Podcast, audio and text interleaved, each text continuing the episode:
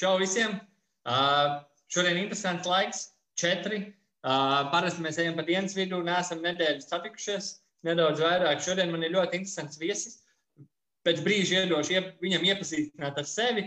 Uh, es uzreiz sākšu ar to, ka es pastāstīšu, kas ir šīs dienas tēma, jeb kas ir tā ideja, ko mēs šodien esam, par ko mēs gribam šodien parunāt. Uh, vai tas, ko tu dari, ir tas, kas tev ir jādara? Jeb man tas stāsts ikdienā ir par to fokusu.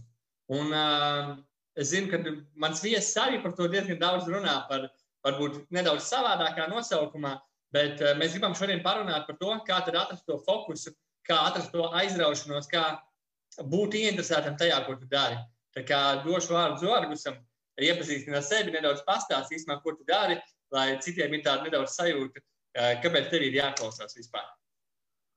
Ui, manī nav jāklausās, eh, ar mani nevajag kopā dziedāt, var vispār neko nedarīt. Eh, bet, eh, jo, nevis bet, bet jo, katram cilvēkam vajag atrast savus cilvēkus, kuriem uzticēties. Tā ir baigās svarīgā stēle. Un es, to, ko es gribu darīt, Gustavs, šeit, es negribu sevi pārdot. Uh, nu, tas ir viena no tādām būtiskām lietām. Uh, jo mums, uh, nezinu, vienam cilvēkam būs tāda taisnība, vienam šī tāda taisnība. Vienkārši meklējiet savus cilvēkus. Uh, un ko es daru? Es pirms 25 gadiem daudz, varbūt ievērojis, bija tajā televīzijā, un daudz ko televīzijā darīju. Pirms desmit gadiem man tā televīzija ritīgi, ritīgi apnika, no ritīgi apnika. Tādā ziņā, ka man ne, es neredzēju jēgu vienkārši uz klikbeitiem iet. Klikbeits, klikbeits, klikbeits. Televīzija jau tur tā, tajā režīmā sāk darboties 2005. gads. Un uh, vienkārši es saprotu, nē, tas nav man. Restīvi man gribēs kaut kādu jēgu. Uh, kas zīmīgi atkal klikbeits jau nav slikts jautājums. Vienkārši tev vajag labus resursus, lai to izdarītu. Ok, un aizgāju uz izglītību. Es esmu desmit gadus izglītībā, un pēdējos četrus gadus izglītībā es strādāju principā online. Un uh, online mums ir tad, uh, Element Humans mācību tīkls, viens no tiem tīkliem, kas ir uh, orientēts uz uzņēmumiem un uz, uz cilvēkiem, uh, lai realizētu savu potenciālu. Tur ir mācības spējās atrast savu aizraušanos, tur ir uh, um, 11 afirmācijas tāds kurs, kas ir darbs ar zemapziņas, bezapziņas blokiem. Uh, Un, uh, mums ir nezinu, kādos ciparos uh, 35 valstis, apmēram uh, kopā kaut vairāk tūkstoši cilvēku ir bijuši tajās online mācībās, un uh, strādājam latviešu, kā angliski. Kolosāli. Ļoti interesants laiks, lai to darītu.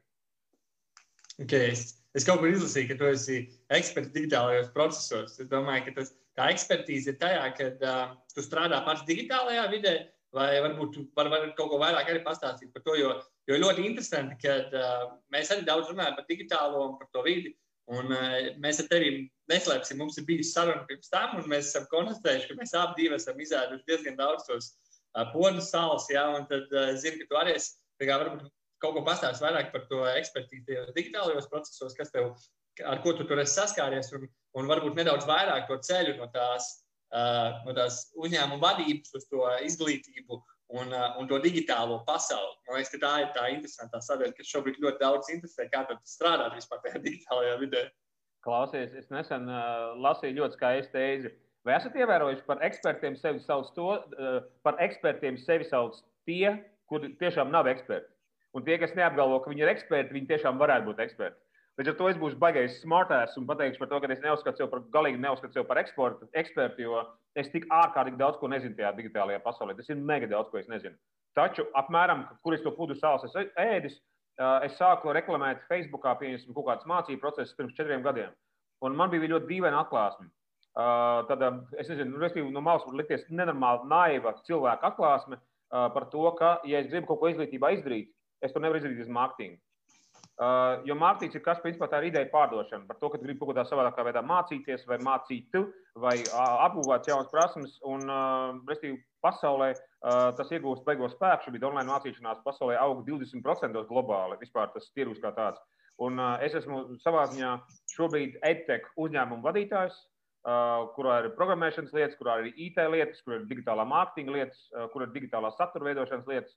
Un uh, četrus gadus, principā, arvien vairāk, 80, 90% šobrīd viss ir digitāli, un pēdējais gads vispār viss ir līdz digitāli, un, un darbi, darbi ir pār pārējiem līdz ūkai. Ļoti interesanti, jo es, man liekas, man pagājušajā, ne, pirms divām nedēļām mēs runājām par Mārķu Rundu, un viņš arī minēja to, ka tajā digitālajā pasaulē strādājot, katrs mēs esam pārdevējs, un mēs pārdodam katru to mirkli. Mēs, nu, mums ir jāiet iekšā tajās vidē, jo mēs tomēr cīnāmies par uzmanību, un, un cilvēkam ir tik daudz lietas, kam šobrīd pievērst, un kad, ja mēs nedodam to pamatu mūsos tur klausīties, vai nedodam kaut kādu lielāku kā to, spēku mūsos. Nu, cilvēki vienkārši neklausās. Tas fokus uz to mārketingu ir īstenībā tas, tas, ir, tas ir ļoti svarīgi šo, šobrīd, manuprāt. Un to cilvēki, kas ir tādi cilvēki, kas, kā tu minēji sākumā, es neko nepārdodu. Nu, tā nav. Mēs tāpat pārdodam kaut vai šo stundu, mēs pārdodam informāciju. Mēs gribam, lai cilvēks lieto to, ko mēs, par ko mēs, par ko mēs, ar ko mēs aizraujamies īstenībā. Es, var, jā, jā. No es tev neesmu teicis, ja? bet es esmu bijis pie tevis ciemos. Šitais bija, man liekas, ka nu, daudz gadus atpakaļ, kad es vēl nenodarbojos ar digitālajiem procesiem. Man bija loģistikas uzņēmums, un es viņu vadīju, un viss bija veiksmīgi. Uh, līdz vienam brīdim, un tad, kad jau sāku kļūt neveiksmīgi, tad es sāku meklēt to savu aizraušanos. Un varbūt tu vari vairāk pastāstīt, um, jo man tā sajūta bija tāda pašam, ka katra tas līdera, tas ceļš sākās ar savas aizraušanās atrašanu. Kāds tev ir? Kā tu domā, kā, kur sākās tas līderis, kurā brīdī? Uh, pirms viņš ir atradzis savu aizraušanos vai pēc? Uh, man liekas, ka līderi var būt gan vienā, gan otrā gadījumā. Uh, un man ir aizdoms, ka ļoti daudzi līderi uh, dara savu līderu darbu, pieņemsim, ka labi, uh, taču viņi to dara varbūt bez aizrautības elementu un vienkārši viņi slēdz gribas spēku iekšā. Uh, nav ne labi, ne slikti. Viss, ko es varu pateikt, es jums nenovēlu ar gribas spēku visu savu dzīvi nodzīvot. Tas ir mega, mega izaicinoši. Un, kad tu dari darbu, tāpēc, ka tev jānomaksā leasings, tāpēc, ka tev tur ir status, tāpēc, ka tev tur ir drošība, tāpēc, ka tev tur ir stabilitāte. Tie visi ir normāli argumenti. Taču, ja tu to dari bez tās aizrautības, tad vienkārši tas tā kā, es nezinu, stāvēt milzīgā vētrā ar milzīgu karogu karās rokās un mēģināt visu laiku to noturēt, noturēt tikai tāpēc, ka tu to apsolīji sev. Darīt kaut ko bez aizrautības un bez jēgpilnības sajūtas, tas ir reizes desmit grūtāk un vairāk čakarē veselību, rezultātu un tā tālāk. Uh, Restīvi, uh, uh, vadītāji var būt bez aizrautības. Taču man liekas, ka to, ko es redzu apmēram ar tevi, runājot ar tevi, ka uh, tos aizrautīgos cilvēkus diezgan ātri var ieraudzīt. Uh, aizrautīgiem vadītājiem, kas ir tas lielais bonus un kāpēc es ļoti novēlu visiem cilvēkiem trāpīt savā darba vietās. Latvijā šobrīd pēc statistikas ir 15% darba spēka, ir savā darba vietās, kas viņiem patīk. 15% Latvijā šobrīd ir. Uh, tas nav labi, slikti. Tā ir viena no tādām mūsu misijām, varbūt to procentu pacelt nākamā piecu gadu laikā līdz 25%. Lai cilvēki iet uz savām darba vietām, kas viņiem tieši patīk. Un rekrutēt tas triks lielais. Šobrīd ir divi galvenie elementi, kāpēc tā aizrautība darbā arī vadītājiem ir mega, mega svarīga. Šobrīd ir ārkārtīgi daudz jāmācās. Ir mega daudz jāmācās. Nu, kā, piemēram, es šonadēļ uzzināju, mums ir jautājums par kaut kādām investīcijām un tā tālāk, ko mēs mūsu uzņēmumā strādājam. Un, uh, man parādījās divas jaunas profesijas, ko es saprotu, ka mums būs jāintegrē mūsu komandā. Bet man visu laiku ir jāmācās. Ja man nav aizrautības elementi, man mācīties ir daudz grūtāk. Pareizi. Man vienkārši ir jāapzinās, kāpēc man tas vēl jāmācās. Un, piemēram, kad es darbojos kaut kādā brīdī, gadus atpakaļ, diezgan daudz ar skolotājiem, tad var atrast atšķirīgus skolotāju, kas mīl savu profesiju, un no tiem, kas nemīl savu profesiju, tie, kas nemīl savu profesiju, kāpēc man tas jāmācās. Ar skolotājiem arī visu laiku būtu jāmācās. Un tas pats par vadītājiem. Tev nav aizrautība, priekš kā man jāmācās. Tas ir viens. Uh, un otrs ir tas, ka, ja tev nav aizrautība, uh, tu principā blies sev ar aeru pa nierēm. Vienkārši tu čakarēji savu veselību, tu čakarēji savu kolektīvu, tu esi vairāk noguris, tev negribās iedzināties, un tu principā arī tu, esi, tu sliktāk izdarīji darbu, jo tev negribās iedzināties, negribās pavadīt tur vairāk laika, tev nepatīk tie jautājumi par to darbu, tev pirmdienas ir tā kā galvas sāpes, lielāks vai mazāks. Restīvi, aizraušanās, es tev pilnīgi tādā ziņā piekrītu, Gustav, ka tā ir viena no atslēgām, vienkārši, lai tu varētu gan labi izdarīt gan savu darbu, gan arī vienkārši būt normāli, optimistisks, priecīgs cilvēks par to, kur tu esi un ko tu dari. Jā, tu ļoti labi minēji, man liekas, to, to ka uh, mācīties vienmēr ir daudz vieglāk, ja tev ir aizrautība. Jā, tas, man liekas, ka uh, tas, ko tu, nu, ja mēs esam vadītāji, ja mēs esam uzņēmuma vadītāji, vai arī mēs esam komandu vadītāji, vai mēs esam uzņēmēji, tas, kas man liekas, uh, ir tā lielā tāda konkurējošā vērtība šobrīd, ka mēs ātrāk mācāmies, mēs ātrāk, ātrāk saprotam, kas ir tas, kas notiek šobrīd apkārt. Jo es īstenībā no daudziem šobrīd dzirdēju, ka lēnām viss process sāk atgriezties no online uz offline atpakaļ. Jo tāpēc, ka tagad viss ir kā nostabilizēsies, viss būs kārtībā.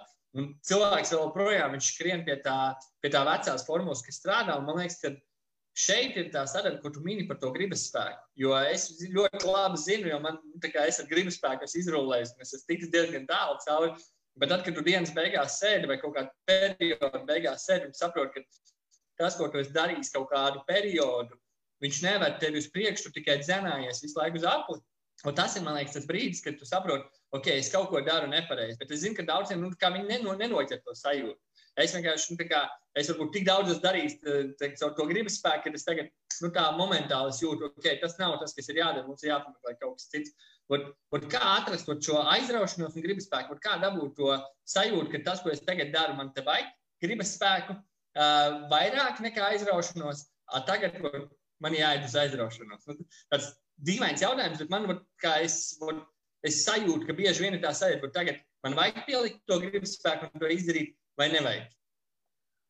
Zini, baigi interesanti, ka ir reti kāds darbs pasaulē, kur 100% viss tev būs baigā aizraušanās. Tas arī būs diezgan naivi un ideālistiski, vai ne? Vienmēr būs kaut kādas problēmas, vienmēr būs kaut kādas pumpas, kaut kur jāizspiež un kaut kādas struktūras, kaut kur nāks ārā, sorry par dīvainiem uh, analoģijām un tā tālāk. Uh, tad tas viens un otrs ir par to gribas spēku, negribas spēku. Es vienmēr to visu salīdzinu ar savām vērtībām vai galamērķi. Tad, piemēram, ko es daru un kāpēc es daru? Tad, tiksim, mūsu mācību tīkls, tas ir EdTech kompānija Element Humans, uh, pastāv, lai palīdzētu cilvēkiem realizēt potenciālu. Uh, globāli tā auditorija ir 2,5 miljardi cilvēku. Uh, mēs zinām, ka mēs netiksim pat pie 10% no viņiem. Varbūt mēs tiksim pie 10%, kas ir tiksim, pār par 200 miljoniem cilvēku. Tad mēs lēnītēm ejam tajā virzienā. Kāpēc, mēs, kāpēc es to daru? Tāpēc, ka uh, es gribu palīdzēt cilvēkiem tikt vaļā no šīs izglītības sekām. Izglītība sačakarē cilvēkiem radošumu, uh, izglītība aizved cilvēku prom no kaut kādas sevis izpratnes, sevis attīstības, bla, bla, bla. Nu tā. tas, tas ir mans, kāpēc es to daru. Un tā, ka man tā situācija pienāk dzīvē, ko tu saki, ja? man ir jāizvēlās, vai es darīšu, re, man būs aizrautība vai gribas spēks es zinu, ka man gribas spēka elementi būs jāslēdz bez jautājumiem. Tāpēc, ka kaut kādā brīdī, teiksim, komanda paaugās. Tad komandā nāk vēl viens cilvēks vai vēl divi cilvēki. Un tev jāpalīdz tam cilvēkam integrēties vai vēl kaut kādām lietām. Un tu zini, ka tu labprāt nodarbotos, teiksim, es pēc būtības, man ļoti patīk taisīt mācību procesus. Man ļoti patīk organizēt mācību procesus. Man, es, es to esmu taisījis, principā, ar neirozinātnes visām lietām. Mēs esam uzņēmumiem, taisām vienkārši arī tagad, kur vienkārši ir online, LMQ, humans atrodas vairošanās, piemēram. Uh, bet man ir jādara vēl kaut kādas lietas. Finanses, piemēram, nav mana lieta. Finanses man vienmēr būs gribas spēka aspekts. Par finansēm runāt, finanšu saprots man ir tāds, ok, klausies, mēs varam to pusstundā izrunāt. Nē, nu, varbūt izrunājam stundu, tur ir daudz jautājumu, tad izrunājam pusstundā. Un es zinu, man tas gribas spēks tur jāslēdz. Es, nu, restīvi, tā nav mana stēle. Par izglītību, par to, kā taisīt mācību programmas, es varu ilgi runāt. Arī mārketings, ar citu ir bijis kaut kāds mans flows. Bet uh, ir lietas, kas būs gribas spēkā, un ir lietas, kas būs aizrautībā. Nu, un, uh, tas tā, kā, tā proporcija, vienīgais, ko tu vari darīt, reku, laikam tas stāsts, meklē veidus, kā uzlabot proporciju, lai tev ir pēc iespējas vairāk to lietu darīt, kas tev patīk. Jo to, to tu darīsi labāk, tu tur vairāk iedzināsies, un tas būs kompānijai labāk. Okay, forši, tā ideja, ka nu, tikai mēs pieņemam, ka mums vajadzēs gribas spēku, bet mēs nerulējam visu laiku gribas spēku.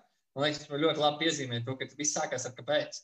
To man liekas, ir teikuši visi, bet tas ir vienalga. Nu, kā, ja es, es pat Es pat īstenībā ģimenē šobrīd esmu pateicis, hei, kur uztaisām muzeju, kāpēc. Pat ģimenē tur ar, bērnu, ar bērniem vēl pa mazu viņi ir, bet, nu, ar sievu jau mēs varam sarunāt, kāpēc, kas ir tas, ko, nu, kur mēs gribam nonākt. Un tad tas, ko tu mini tālāk, ka, ko es gribu darīt tajā visā. Un kā es varu kā, saprast, ko es gribu darīt šo. Tas nozīmē, ka tagad saka, man, es par finansēm jau pilnībā saprotu, jo man ar finansēm tieši tāpatās. Es, es, nu, tā es pat apsūties kaut kādā. Uh, bilanci. Es vienkārši man, man negribās. Es gribu redzēt gala ciparu un neiedziļināties tajos procesos. Un tad man liekas, ir, ko gribu es tieši darīt.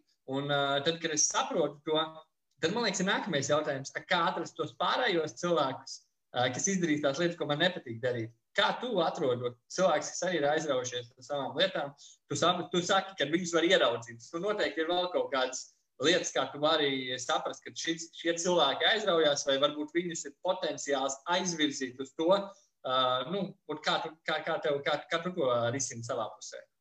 Zini, tā ir viena no grūtākajām lietām. Jūs runājat tieši par to HR aspektu, par cilvēku atrašanu. Ja? Uh, par to, tā ir viena no grūtākajām lietām pasaulē. Um, tāpēc, kā es esmu redzējis situācijas, piemēram, man bija iepriekšējā manā uzņēmumā, uh, kur bija 60 darbinieki, pirms gadiem 15. Man bija finanšu direktori, kas parādījās. Un uh, tajā brīdī, restīvi, nu, tas, tas brīdis bija tāds, ka tur, nezinu, tur grozās visādas slavenības, tur Siprniecis un Valters Krause un Aldis Kalniņš. Vienkārši tur tādas slavenību bars kaut kāds, bet tā finanšu direktora, kas parādījās, viņa, zini, tur bija tas dīvains, eh, ka es, es, es domāju, ka kāds divus mēnešus viņi ir jālaiž projām, ja viņi vienkārši uzdevās vienkārši traki. Nu, Restīvi, viņi kaut ko tur darīja, protams, ap, nu, kā normāli, bet uzdevās traki. Un pagāja kaut kādi daži mēneši, viņa pārslēdzās, un no viņas iznāca fantastisks labs finanšu direktors. Un tas, ko es esmu redzējis, ik pa laikam, ka tu nevari spriest pēc uh, don't judge uh, a book by its cover. Restīvi, ka tu dažkārt tikai ieraugi ar laiku, vai tas cilvēks dara vai nedara. Un līdz ar to es esmu vissliktākais šajā ziņā cilvēks, ka es uh, mēru cilvēkus pusgados vai gados. ka tu saproti pirmkārt, kā cilvēks uzvedās krīzē, kā cilvēks uzvedās neskaidrības situācijās, kā cilvēks uzvedas situācijās, kad viņam ir kaut kas jāatbalsta, jāatbalsta citi. Piemēram, tas ir milzīgs jautājums. Teiksim, viena no mūsu teiksim, Lemeka Humans vērtībām ir atbalsts. Tā ir viena no fundamentālām stelēm. Es teiksim, dažkārt pat vienai manai kolēģei ir jādara viena konkrēta lieta, un tas, ko viņi saka, nu, klausies, man tas ir antifos, es to nevaru izdarīt. Un es saku, ok, labi, es to izdarīšu. Man to jopsi kā negribās darīt, bet es to izdarīšu, tāpēc, ka es atbalstu to kolēģi. Un to var izmērīt tikai pēc pusgada, pēc gada. Tas ir viens. Un otra lieta, um, man liekas, ka tajā cilvēku meklēšanā ir baigais jautājums, ka jāpārdod cilvēkiem ar vērtībām. Viss. Uh, man šodien, kā reizes, man nu, ik pa laikam ir retas konsultācijas, uh, privātās konsultācijas ar uh, atrodas veidošanās spēļu uzvarētājiem. Un šodien mēs runājam divas stundas ar vienu jauno uzņēmēju. Un, uh, viņš arī par tiem cilvēkiem, kā piesaistīt cilvēkus, uh, bija jautājums. Un es viņam teicu, vai tev ir ļoti precīzi nodefinēts, kāpēc. Vai tu tiešām līdz, līdz nierē jūti, ot, kāpēc tu to dari? Piemēram, Gustav, kāpēc tu taisi to, ko tu tagad taisi? Vai tagad prasīja viņam, tam čalītam, kāpēc tu taisi to, ko tu taisi? Viņš ar galvniecību tur nodarbojās. Viņš teica, nu tāpēc, tāpēc, tāpēc viņš saka ar savu ģimeni. Es saku, nē, nē, nē. Ko tu teiksi saviem darbiniekiem? Kāpēc to dari? Un tad beigās izgājis to, ka viņš taisa rekreācijas tādu tā kā instrumentu. Un, un es viņam saku, lūdzu, nodefinē savu kāpēc. Pieņemsim, ka Es taisu rekreācijas instrumentu, ar ko ģimenes varēs atjaunot savu veselību, uzlabot imūnsistēmu, un ka viņas pieņems būs drošākas pret covid. Viņas varēs vienkārši labāk uzlabot savu dzīves spēku. Nu, tā. un, un es, es jums saku, kad tu runā ar cilvēkiem, kad tu ņem cilvēku darbā, sāc ar to. Pārdod savu uzņēmumu caur vērtībām. Tas nozīmē, kāpēc es esmu, kāpēc es vispār pastāvu. Arī divu cilvēku attiecībās pastāv, pat, patiesībā pastāv dēļ, kāpēc. Tev ar tavu sievu ir līdzīgs, kāpēc. Mēs gribam būt kopā, mēs gribam braukt ceļojumos, mēs gribam izaudzināt no saviem bērniem burvīgus cilvēkus. Es fantazēju. Restīvi, kāpēc ir pamata elements vispār, kāpēc kaut kas dzīvē kustās, un uh, tādā elementā arī cilvēki ir jāmeklē. Nu, tā. Tas, kā es to saprotu. Nav garantīva, ka tā ir baigā taisnība, bet tas ir tas, mans modelis, ko es esmu piefiksējis. Vai Inse, kur pieminēt, tu dodam laiku, jo tāpēc, ka, tas, man liekas, ir visgrūtākais mums. Nu, tāpēc, ka, pirmkārt, tas gan ir finansiāli grūti, tāpēc, ka tu zini, ka tu Eh, sasaisties ar cilvēku, kurš visdrīzāk tev nu, nesniegs kaut kādu rezultātu pretim kaut kādā periodā. Bet, uh, kā, kā, kā, tā, kā pie tām vērtībām? Tas ir vienkārši tavs personīgās vērtības, ko tu esi teikts vērtības kopā ar komandu. Kā, kā, kā tu esi ticis pie tām vērtībām? Uh, nu, apsties, uh, mums ir kurs, kas tagad ir četrus gadus jau uh, atrod savu aizrošanos. Uh, Un tur viss tā kursa būtība ir tā, ka um, tev ir jāzina savas vērtības. Un es principā to kursu uztaisīju, tāpēc, ka man tas pašam bija ļoti liels jautājums. Man bija, man bija milzīgs šoks tajā brīdī, kad piemēram, es biju uh, tajā kaut kādā slavas, uh, slavas situācijā, kas bija tas uh, mēmais šovs un savā gan visas tās lietas, ka uh, man bija baigā depresija. Nu, ne, ne, ne baigi baigā, bet nu, man tiešām bija liela depresija. Man bija diezgan daudz jādzer, jā, jātusē, jābahājumā, tāpēc, ka es domāju, jāapskatīt man vispār, ā, slāvīt, kā visi baigi forši naudu ir, bet vienkārši, ā, Un, uh, es vienkārši gāju tam visam cauri, sākot to pētīt. Un, restīvi, tā, kad tu pats izēji tam visam cauri, uh, es sāku dot kaut kādiem studentiem, tad es kaut kam vēl sāku dot. Un, uh, restīvi, tas jau nu, kā arī citu izglītības industrijā, uh, piemēram, jā, jā, jāklausās tajos cilvēkos, ko es novēlu visiem, kuri ir apēduši pūdu sāls. Nevis izlasījuši divas grāmatas, bet tiešām ir pūdu sāls izēduši, nokļūdījušies. Un tās kļūdas dalās ar tām kļūdām, tā tālāk. Šī gadījumā tāpēc es tā pateicu sev, ok, šito kurus es varu taisīt, jo es esmu putekļs apēdis un, un rekrutās metodas man strādā, līdz ar to arī var strādāt arī citiem cilvēkiem. Un, um, tā ir tāda vienkārši analīze, ka tur mēģina saprast um, savas vērtības. Principā tas sākās no vērtībām. Kas man ir vērtībās svarīgi? Man ir svarīgi, es, es nevaru būt toksiskos kolektīvos, kur cilvēki neatbalsta viens otru. Es nevaru būt toksiskos kolektīvos, kur cilvēki uh, runā nedelikāti. Nu, es zinu, ka uzņēmumi, kuros paceļ balsi cilvēki, kuros, nu, vienalga, ko tam līdzīgi, es to nevaru. Man tas vienkārši nav. Uh, Restīvi, tas, tas čakarē visus cilvēkus, to, to uzticēšanos līmeni čakarē ārā un tā tālāk. Tu nodefinē tās kaut kādas savas vērtības, uztaisīji 15 gadu ilgtermiņa plānu, ko tu gribi dzīvē darīt. Tas 15 gadu ilgtermiņa plāns arī mega svarīga lieta, tāpēc, ka tas parāda kaut kādu tavu uh, apjomu, uz ko tu gribi, dzīvē gribi aiziet. Piemēram, vai tu gribi, lai tavs uzņēmums ir ar 10 cilvēkiem, vai tu gribi, lai tavs uzņēmums ir ar 100 cilvēkiem vai 1000 cilvēkiem. Vai tu gribi, lai tas, tev, ir, tev ir 100 klienti, vai tu gribi, lai tev ir 1000 klientu mēnesī vai 20 000 klientu mēnesī. Tas atkal iezīmē kaut kādas tās vērtības un mērķus, kuriem te ir.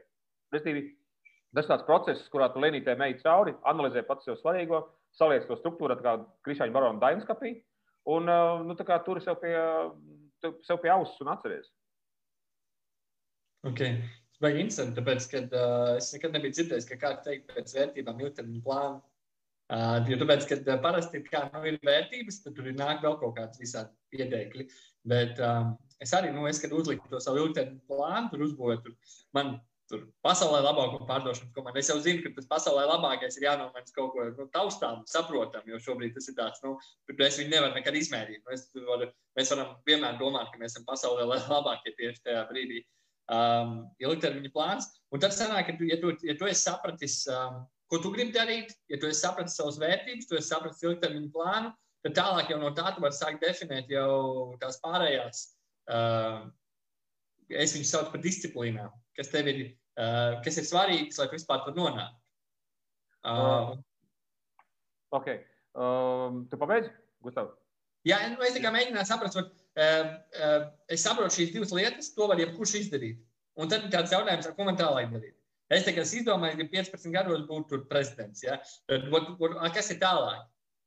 Tu zini, te ir baigi dīvaina lieta, ka es laikam aizietu atpakaļ par to, ka tie, tie soļi man principā ir divi, un pēc tam ir tas tālāk. Pirmais solis ir, ir mega svarīgi saprast līdz detaļām sev būtisko. Nu, mega, mega, mega līdz detaļām. Tad ir piemēram, kādu gribu komunicēt uzņēmumā. Cik tā, beigsim, šodien man bija tā konsultācija ar to čalīti, kas atrodas savā veidošanās, bija gājis cauri, un viņam ir tendence uz izdegšanu. Un es viņam teicu, vai tev, ir, vai tev ir vērtība būt ar labu veselību, vai tev ir vērtība iet uz darbu ar enerģiju. Ok, ja tev ir tā vērtība, tas nozīmē, ka, tev, tas nozīmē, ka tas tev maina tavus plānus, kādu taisīs savu uzņēmumu. Tas nozīmē, ka tavā uzņēmumā tev būs jādeleģē kaut kāda pienākuma, kurus tu negribi darīt, lai tu varētu atpūsties vai darīt kaut kādas savas citas lietas. Restīvi, tev ir kaut kāda vērtība, tev ir vērtība, viņam ir vērtība, tīsim, nodarboties ar kādu beigu savu hobiju. Vienu dienu nedēļā viņš grib darboties ar to. Ok, tas atkal nozīmē, ka šī vērtība ietekmē tev 15 gadu plānu. Tas nozīmē, ka tev vajadzēs uzņēmumā cilvēku, kas principā vada tev, nu, kas tev ir CEO, piemēram, ja? nu, tā. Restīvi, tavas vērtības nosaka visu. Patiesībā apzināti vai neapzināti mēs izdarām mūsu izvēles dzīvē saskaņā ar savām vērtībām. Problēma ir tāda, ka mēs viņus detalizēti nezinām, kas mums rada, rada prieku vai par ko mēs esam laimīgi. Tad mums sākās auzas. Tad ir krīze pēc pieciem gadiem vai vēl kaut kas, vai apātijas. Mēs esam laimīgi, ka mēs esam savās vērtībās. Kāpēc mums ar čomiem ir forši? Tāpēc mums ir līdzīgas vērtības. Mēs varam bliest melno humoru vienam par otru, tā ir mūsu vērtība. Mēs, varam, mēs vienmēr esam laikā, tā ir mūsu vērtība. Gluži otrādi. Vai čoms, jā, viņš stundu kavējās, tā ir mūsu vērtība, mums ir mums vienalga, viņš stundu kavējās. Mūsu vērtība ir braukt kādos piknikos un vienkārši ieņemt saulē. Reku, mēs esam saulē. Mums ir kaut kādas vērtības, kas ir mikstā kaut kādām interesēm. Mēs esam laimīgi, ka mēs esam vērtībās un principā viss dzīvē jāizvar no vērtībām. Tad pirmais ir saprast, kas mums ir svarīgi, otrais ir iemest to sev būtisko vērtības un vēl pārējās lietas, kas ir metodoloģija, saprast ilgtermiņam, uz 15 gadiem, tur noņemt kaut kādus blokus sev ārpus kastes, domāt. Un tad trešais ir veidot to plānu, saskaņā ar piec, veidot šī mēneša vai nākamā pusgada plānu saskaņā ar savu 15 gadu mērķi atceroties un pieļaujot, ka viņš visu laiku var mainīties. Nu, reku, pirms, pirms gada mēs nezinājām, ka uh, dēļ Covid un vēl kaut kas vienkārši uzsprāgs interneta uh, tirgus, kas ir piemēram mācīšanās tirgus. Tas nozīmē, ka uh, uzsprāgst un pamainās kaut kāda cilvēku nezinu, attieksme vispār pret online. Būs kaut kādā brīdī atkal nogrūms, droši vien kaut kāds mēnešs, trīs, četri cilvēki beidzot tiks ārā kā govis, parumilēties zālītē, pļaviņā, bet pēc tam atkal principā online ir izmainījies. Arī 15 plāni, visu laiku kaut kas var mainīties.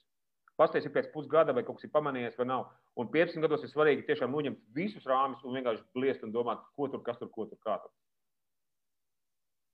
Jā, interesanti. Tas, uh, kas ir svarīgi? Kas tev ir svarīgi? Kas, jo interesanti, parasti vērtības domā, tur godīgums, tur nu, ir kaut kāds tāds standarts vērtības, kas ir nu, visiem iekšā. Un tad ir, kā tu pasaki, es gribu, nezinu, man viņas aizraušanās triatlons. Es gribu spēt katru dienu divas stundas trenēties.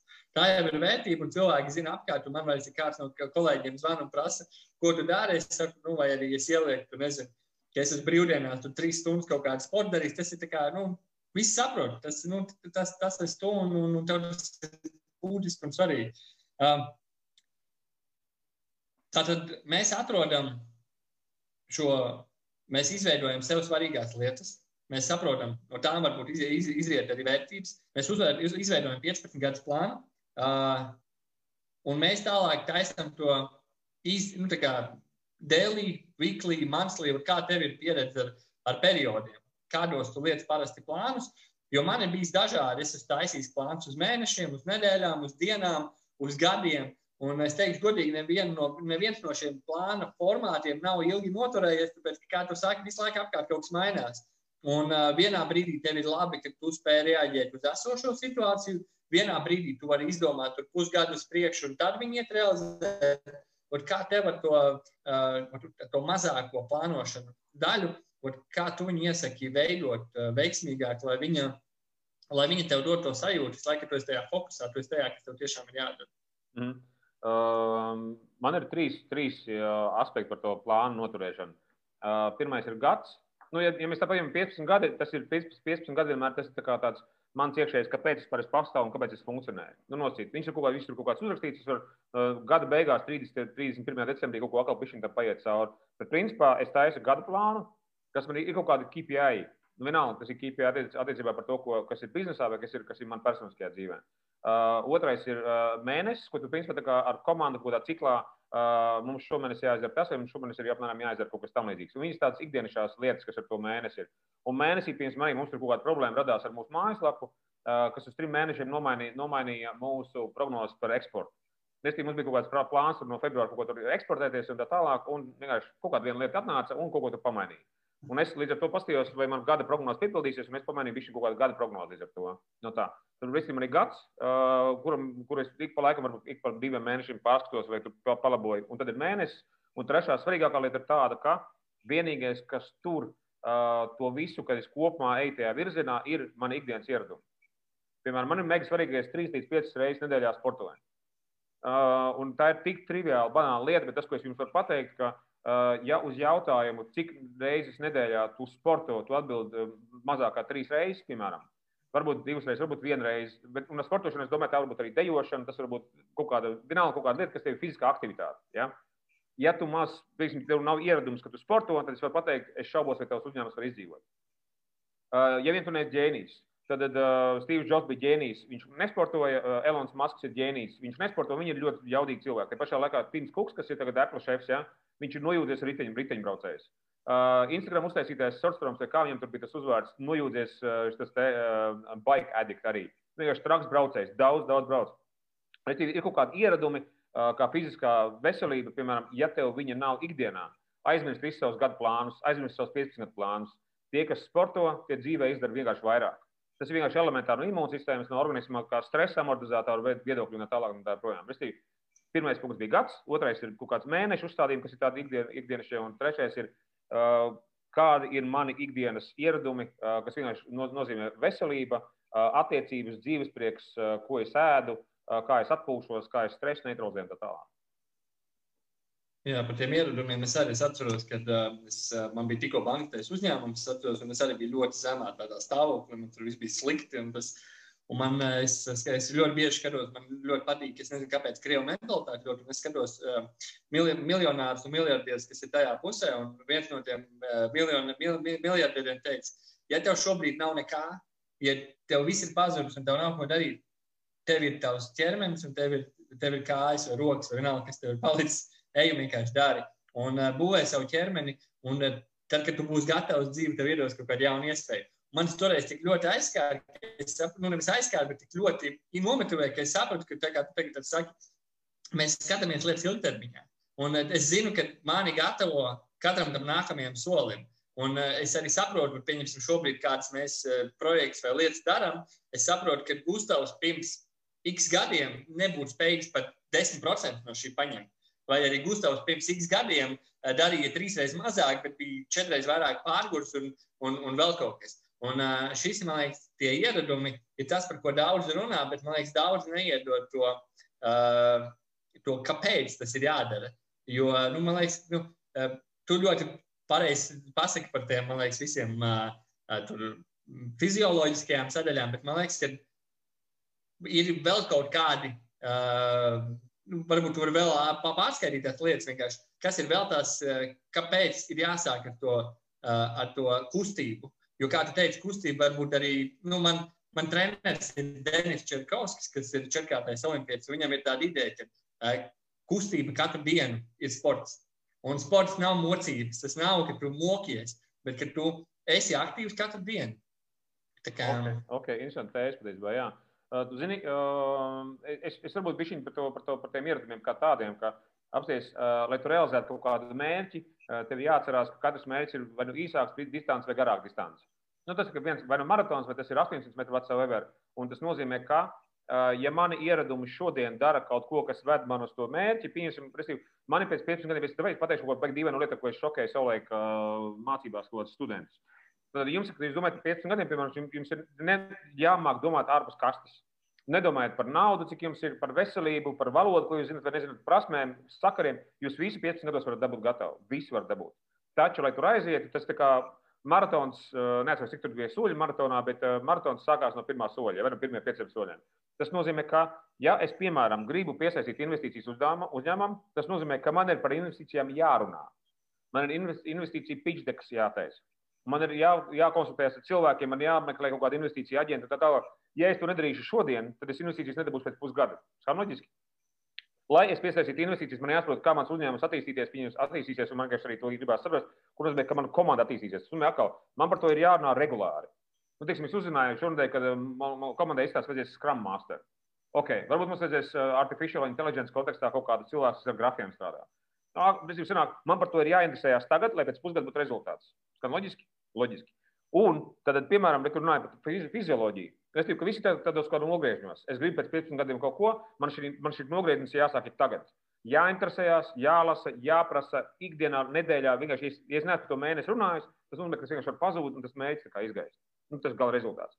Un par ķermeni vēl vienkāršāk. Katru dienu mums ir stresi. Man ir klasisks tāds jautājums par to, ka, piemēram, Gustav, varbūt es tev varu paprasīt, kā tev liekas, cik tev uh, pēdējās nedēļas laikā vidēji dienā ir bijis tāds stress? Cik tev ir bijis dienā? Es esmu diezgan mierīgs cilvēks pēc sirds, bet es zinu, ka nu, viņš iet daudz cauri un es to jūtu. Bet tas man, nu, es pieļauju, ka entās reizes dienā. Labi, bet, bet pasak, cik tev liekas? Nu, pasak savu novērtējumu tagad. Uh, Respektīvi, te nav pareizās atbildes, vienkārši pasak savu novērtējumu. Vienkārši varbūt citiem ir arī interesanti. Jūs varat arī citu padomāt un, uh, nezinu, rakstīt komentārus. Kā jums liekas, cik jums ir reizes dienā stress? Es domāju, ka kaut kādas piecas es varētu saskaitīt katru dienu. Piecas? Piecas, jā. Jā, ok, ok. Uh, Restīvi, pēc manas saprašanas, arī domāju, ka smadzeņu struktūra mums ir uzbūvēta. Smadzeņu struktūra mums ir uzbūvēta no uh, izdzīvošanas principa, pasargāt no, no, no, no riskiem. Un smadzenes ir tikai tāds, uh, es ievēroju, uh, kā bākas griežās. Griežās bākas tās stars, un viņš visu laiku griežās riņķī. Ja? Un smadzenes tas pats, tā, tā, tā radars, kas visu laiku čeko, vai viss ir kārtībā. Reizi piecās minūtēs, principā smadzenes ir tāds, pagaidi, viss ir kārtībā? Nu, no, kaut kas tam līdzīgs. Un uh, stress ir Katru reizi, kad mums ir kaut kāda aizkaitinājuma, kaut kādas nepatikas, piemēram, kad tu brauc ar mašīnu, tev krīt uz nerviem, kad priekšējā mašīnā kaut kāds cilvēks velkās tev priekšā, tev krīt uz nerviem. Mazliet. ok, mazliet, labi. Tas ir stress, secīgi. Sorry, tas ir stress. Vai tev krīt uz nerviem, ka viņi neparāda pagrieziens cilvēku braucot tev pa priekšu? Jā, nedaudz. Ok. Uh, un apstāties, katrs e-pasts, ko mēs saņemam, kas ir dīvains, uh, kurš neatbilst mūsu ekspektācijām, tas ir stress. Mēs mākam to apspiest. Restīvi, mēs esam meistari stresa apspiešanā. Ja mums bērnībā mammas un tēvi pa laikam ir devuši zīmes par to, ka raudāt ir slikti, gausties ir slikti, sūdzēties ir slikti, saņemies lupatā, nevienam neinteresē tā stāvu raudāšana tā tālāk, un mēs iemācāmies stresu apspiest. Mums dienā ir caurmērā 50 līdz 100 reizes stress. Un tagad aizejot uz to fizisko, fizisko veselību, restīvi, ja tavs organisms nav fiziski labā tonusā, viņš ir ļoti vāji noturīgs pret stresu. Viņš vienkārši ir ļoti vāji noturīgs pret stresu. Tas nozīmē, ka tu nevari būvēt lielus produktus, tu nevari būvēt jaunus produktus, tu nevari iet uh, sarežģītās situācijās iekšā. Uh, tu nevarēsi izturēt kaut kādas nesaprašanās ar kaut kādiem kolēģiem. Tavs ķermenis vienkārši tev slēgs ārā. Un tur ir bezapziņas visādas tēmas, mums tāds viens kurs uztaisījām par tām bezapziņas darbu ar bezapziņas blokiem. Un tas, ko es redzu, ķermenis fantastiski bloķē visādas realizācijas, ko tu varbūt dzīvē, dzīvē gribētu izdarīt. Bet viņš saka, nē, es negribu, ka tu izdedz. Es negribu vienkārši nomirt. Tāpēc tev nebūs kaut kāds projekts, kurš tev varbūt ir kolosāls, bet tu vienkārši tur pāršancēsies bez jēgas un wow. Respektīvi, ķermenis, ja tev viņš nešancē, tas nozīmē, ka tu nevarēsi turēt lielu stresu, tu nevarēsi iemācīties, un tad tas projekts vai nu sanāks sūdīgi, ja arī vienkārši tur, nezinu, dzīve nelaidīs iekšā tajā procesā. No nu tā. Šito es, es, šito es esmu izvilcis ļoti uz savas ādas. Tā, ka tu, tā kā, tu tagad mini, ka uh, vienkārši tu neļaus to izdarīt. Vienkārši mm, mēs negribam nomirt. Kā es parasti saku, parkā ar suņiem. Suņi negrib nomirt saknē. Līdz ar to viņi nekodīsies līdz nāvei. Vai viņš tā kā ir tas princips, ka vienmēr lielais suns apēdīs mazo. Nu, kā, nu, to cilvēku, nu, nu, kā mēs, es, es uz savas ādas reāli sajūtu to, ka tev vienkārši neiet projekts uz priekšu, tāpēc, ka tu pats neesi vienkārši gatavs. Un tas, ko tu tagad mini, ot, kā tu reaģē uz kaut kādām lietām. Ja tu tev atnāk kaut kāds mini-stress un tu to sprāgst, vai tev ir šausmīgi asts, momentāls reakcijas, nu ir skaidrs, ka tu, nu, priekš kam tavam ķermenim vēl lielāku stresu, kāpēc viņam pieļaut kaut ko vēl lielāku, viņš to vienkārši negrib pieļaut. Un, nu jā, tas ir, man liekas, ieraduma spēkā ļoti labi. Tas, ko minēja, man liekas, par, par to par to ilg, ilgtermiņu domāšanu, jeb mums kā vadītājiem, kā, kā uzņēmējiem, ir jādomā vismaz tajā lielajā bildē, jo tas, tas ko mēs sev ikdienā bieži pārmetam, ka nu, nu, es vismaz par sevi runāju, ka nu, tagad esošajā mirklī nav rezultātu. Un uh, es vienu dienu atceros, staigājos pa parku ar cilvēku, un viņš saka, klausies, es šodien beidzot izpārdevu visus kartupeļus, es esmu nežēlīgi laimīgs, es pagājušajā gadā iesēju, tagad pārdevu visus, es esmu piepildīts, un es pie sevis domāju, nu, ka ja, nu, viņam ir mēraukla, viņam pagrabs ir iztirgots. Man nav mērauklas. Man nekad nebūs labi. Nekad nebūs tā, ka nu, tu sapratīsi, yes, fine. Mēs varam iet, tā kā, nu, tev nebūs nekad tāds uh, tie griezti. Un uh, teicis jautājums, kā, kā noķert to uh, savu to um, galveno lietu, ko tev teikt ir jādara. Jeb kā dabūt to, uh, šis ir tas, kas man tagad ir jādara, lai sasniegtu rezultātu Uh, Reiķinieties ar to, ka rezultāts nav vakarā. Viņš ir tur pēc kaut kāda perioda, ilga laika. Bet kā tu atrodi to, nu, sauksim viņu par fokusu, kā tu atrodi to galveno, kas tev tagad ir jādara? Vai mēs varam teikt, ka tavam vārdam fokus ir arī uh, sinonīms prioritāte? Kā saprast, kas ir šī brīža prioritāte, kur virzīt to savu uzmanību? Uz ko? Jā, jā, jā, jā. Es, es, es, es uzskatu, ka fokus ir prioritāte, jo šobrīd darot to prioritāti, tu nonāksi jaunā realitātē. Patiesībā tas vārds, es nezinu, vai tas vārds fokus ir, es viņu ļoti reti lietoju, bet viņš ir ļoti patiesībā nopietns un nu, ļoti, ļoti svarīgs, svarīgs jēdziens. Man te nāk prātā tāda lieta par to, ka mums ir jāiemācās spēlēties ar savu fokusu. Ko es ar to domāju? Piemēram, ļoti daudziem cilvēkiem tagad ir, es tikai kā analoģija patiesībā, ka, ja mēs nemākam spēlēties ar fokusu, mums ļoti ātri nāk izdegšanas ārā. Nu, tāpat tās, piemēram, vai arī mēs tur kaut, ko, tur, kaut kādas lietas neizdarām tā kā vajag, nu, piemēram. Uh, tu esi, um, nezinu, tu esi baigās lodzē, uh, tu nezini, ko darīt. Un tā viens man, man, man tāds kolēģis uzņēmējs arī Kristofs uh, Blausīčs stāstīja par to, ka uh, viņš bija kaut kādās arī kursos, atnāca uz emocionālo intelektu kursiem, un tad uh, viņš izmantoja kaut kādā brīdī uh, darbā vienu no tām metodēm, ka viņiem tur darbā kaut kas tur nesanāk, nesanāk, nesanāk. Viņš saka, ok, stop, pauze. Viņš iet ārā vienkārši elpot. Viņš aizved savu fokusu uz to, ka tu nomierini savu nervu sistēmu, tu nomēri savus smadzenes, vienkārši kaut kāda elpošanas vingrinājumu, ko es tur toreiz devu, neatceros. Un viņš saka, jā, reku pēc brīža atnāk labākais risinājums, kas tajā brīdī varēja atnākt. Nu, tiešām viņš saprot, atnāca man risinājums. Tas jau sanāk, tā ir tāda spēle ar fokusu, spēle ar savu uzmanību, kā es saprotu, kurā situācijā es esmu, ko man vajag dabūt. Ok, tagad es aizvirzīšu savu, iedomājieties, ir ļoti intensīvs darba process, un tā vietā, lai vēl intensīvāk iet iekšā, tu saproti, ah, pak, pak, pak, es to fokusu izņemšu ārā no tās problēmas. Es aizvedīšu pie kaut kādas tur elpošanas tehnikas, un tad es dabūšu labāku rezultātu. Bet, principā, tā ir spēle ar fokusu, ka tu zini, kurā brīdī ko darīt. Vienā, tas, kā, man, man ir tas klasiskais piemērs par to, ka cilvēki saka, es tagad nedzeršu, es ne, nedarīšu to, nedarīšu to, nedarīšu to, un tas būs kolosāli. Es saku, nē, nepiekrītu. Piemēram, uh, ja gadījumā kas, ja tev ir milzīgi darba sloks, kaut ko būvē, tas nozīmē, ka tev varbūt tam fokusam ik pa laikam ir jāļauj aizplūst, kur pilnīgā sviestā.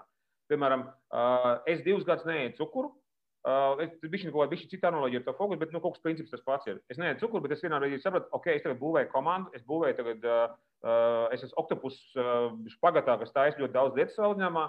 Es atkal atsāku ēst cukuru. Es divus gadus neēdu, un es atkal, tagad atkal ēdu cukuru. Es ik pa laikam skatos Netflixā vēl kaut kur tam līdzīgi kaut kādus sitcom komēdijas seriālus.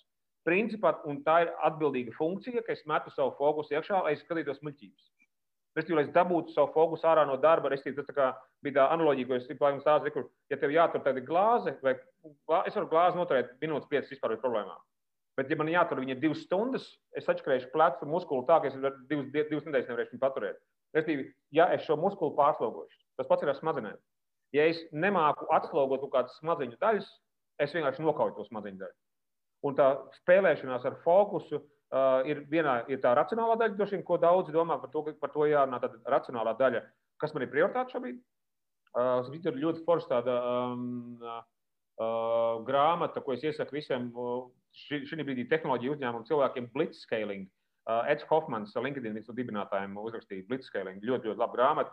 Viņa bija ļoti elementāra tēze. Uh, kas ir tie pirmie uzdevumi katram uzņēmējam, kas ir jādara, ja gadījumā kaut kādas krīzes situācijas. Nu, viņš tur bija salīdzināts. Piemēram, pirmais ir, uh, kas ir, vai, vai ir uh, vai um, incomes, uh, delivery, uh, product un kaut kāds tas salīdzināts. Un es, es arī es pēc tāda elementārā lieta arī taisu, ka man ir, teiksim, organizācija 16, 16 nodaļas, un es šobrīd esmu atzīmējis visai komandai redzams, kas ir tās prioritārās nodaļas, kas šobrīd mums jārisina. Nu, nu kaut kā tā. Un otrais ir tas spēlēšanās ar, ar, ar fokusu, ir uh, tādā iracionālā veidā, ka tev visu laiku jārūpējas par to, lai tu esi maksimāli efektīvs. Ja vajag tagad pēlpo, ja vajag tagad kapā uh, šādā veidā, ja vajag izstaigāties, vienkārši spēlējies ar savu fokusu, lai tu dabūtu no savām smadzenēm maksimāli daudz ārā kaut kādu labu rezultātu. Jā, tas ļoti interesanti. Tas ir tas, man nu, kā visur tā darbojās, ka, nu, es tā dzirdēju, ka daudz kur darbojās tas, ka tev ir nav slodzi, dzirdslodzi, nav slodzi, dzirdslodzi, un arī sportā tieši tas pats kaut kādos anaerobijos treniņos tieši tāpat to savu slodzi un to savu spēju audzē, līdz ar to smadzenes mums ir jāuztver tieši tāpat. Mums ir jābūt maksimāli slodzē, minimāli slodzē, maksimāli, nu, kā jāiet, jāspēj sev izdarīt. Vienkārši man zināmā mērā vienmēr jautājums ir, kurā brīdī tu noķer to sajūtu, kad jau tagad ir tas brīdis, kad jāiziet ārā. Jo bieži vien tev, kā, nu, man personīgi, uh, pateicoties sunim, es trīs reizes dienā dabūnu točni izstaigāties. Un bieži vien es tev vidējo daļu taisu saskaņā ar kaut kādām sajūtām pēc noguruma. Bet varbūt ir vēl kaut kāda signāla, kas mums ir jāvēro, kur mums ir jānoķer, hei, tagad, tev, nu, tagad ir jāiziet, jāpadara kaut kas cits. Kā, kādi ir tie signāli, kur mums, kurus mums vajadzētu noķert? Katram cilvēkam ir signāli būs atšķirīgi. Uh, un uh, uzdevums ir principā iemācīties vienkārši sevi sākt labāk lasīt. Uh, jo, nu, rekur, klasisks piemērs, ja gadījumā tu kādreiz esi tā šancējis, tā šancējis, ka saslimst, nu, tāpēc, ka esi pārstrādājis jēgu. Uh, tas vienkārši nozīmē to, ka tu ķermenis tev došas kāds tūkstots reizes kaut kāds signāls sūtīts, vienkārši tu neesi sadzirdējis to, tu neesi sapratis to. Un um, tā ir trenēšanās sajust tos signālus. Piemēram, viena no divām lietām ir tāda metode, ko mēs ik pa laikam praktizējam tajās online mācībās. Ka, tā ir tik triviāla metode, un es, tā, es redzu, ka cilvēkiem noķer to principu, ka ir svarīgi saprast to pašjūtu. Tad, principā, ļoti daudz pamainās. Piemēram, tagad, vai tu vari pateikt, Gustav, cik no 1 līdz 10 tur novērtēt savu enerģijas līmeni? Viens ir totāli miegsnāk, pilnīgs atrubons, piecinieks, nu, nu, normāli, nekas tur sevišķi nav tāds, un 10 ir totālākā trīs bērnu, trīs gadu vecu bērnu enerģija. Cik tev šobrīd no 1 līdz 10? Kaut kādi deviņi, nav astoņi, astoņi man ir tagad. Ok, nē, tu izties vispār arī katru sarunu, ko mēs esam bijuši, bijis, tev tu esi vienmēr, vienmēr tā tāda durasela baterija. Es, man, piemēram, šobrīd ir kaut kāds, kaut kāds piecinieks, sešinieks, varbūt kaut kas tam līdzīgs. Tas nozīmē, ka, apsties, ja es kaut vai dodu atskaiti par to, kāda ir enerģijas līmenis, tas nozīmē, ka es jau varu sākt saprast, vai es esmu efektīvs. Um, vēl kaut kādi parametri, ja, ja man ir zemes enerģijas līmenis, ko es bieži vien nepiefiksēju. Tāpēc mēs kāpājam gribas spēku. Ja? Tas gribas spēks stāsts. Es kāpāju, es kāpāju, es kāpāju, un līdz sešiem jāizdara tas, tas, tas, tas, tas. Es netaisu pauzes, un es patiesībā sāku uz, uz dienas beigām varbūt bļukot kaut kādus sliktākus lēmumus pieņemt. Vēl viena tēma, respektīvi, mēs daž, dažkārt mēram pozitīvismu. Cik tev viens ir desmitīgs pozitīvisms šobrīd ir? Reāli, mēs tēlot pozitīvismu tiešām, ka tu esi pozitīvs. Viens ir suicidālās domas, piecinieks ir nu, tās, ēne, šis un tas, un desmit ir ekstāze, nirvāna un tā. Kur tu esi tagad apmēram? Nu, es skatu septiņi esmu noteikti. Super. Es esmu arī kaut kāds 7, 8, šobrīd ļoti labi. Uh, Riki triks. Piemēram, ja tu piefiksē, ka tev kaut kas, es nezinu, kaut kas tur nervē fonā, kaut kāda uztraukuma, vienalga, un tu iemācies godīgi sev atsakot, tajā brīdī, kad tas pozitīvs slīd no 5 kaut kur zemāk uz 4, 3, 2, tu pieņem sliktākus lēmumus. Kad mums ir kaut kādas negatīvas domas un emocijas, tajā brīdī mums bloķējās analītiskie centri smadzenēs. Tā ir baigi vienkārši ļoti, ļoti primitīva vienkārša lieta. Tev sašaurinās varianti kad jūties labi, tu vari izdomāt 150 alternatīvas variantus. Restīvi, radošums ir restīvi, radošums, kas ir radošums, alternatīva variants. Kad tu esi negatīvs kaut bišķiņ, tev varianti sašaurinās, tu aizēji vairāk baiļu domāšanas režīmā un ilgtermiņš vispār tur kaut kur, kaut kur izzūd. Un atkal, ja tu piefiksē, klausies, šī saruna nu man ritīgi, numur viens nosēdināja baterijas, numur divi man tur uh, kaut kas tur nav īsti ar to uh, pozitīvs, mēs bišķiņ kaut kas nogājis lejā, stop, tā ir pauze. Bet es tev ir jāiemācās piefiksēt kaut kādu savu parametru.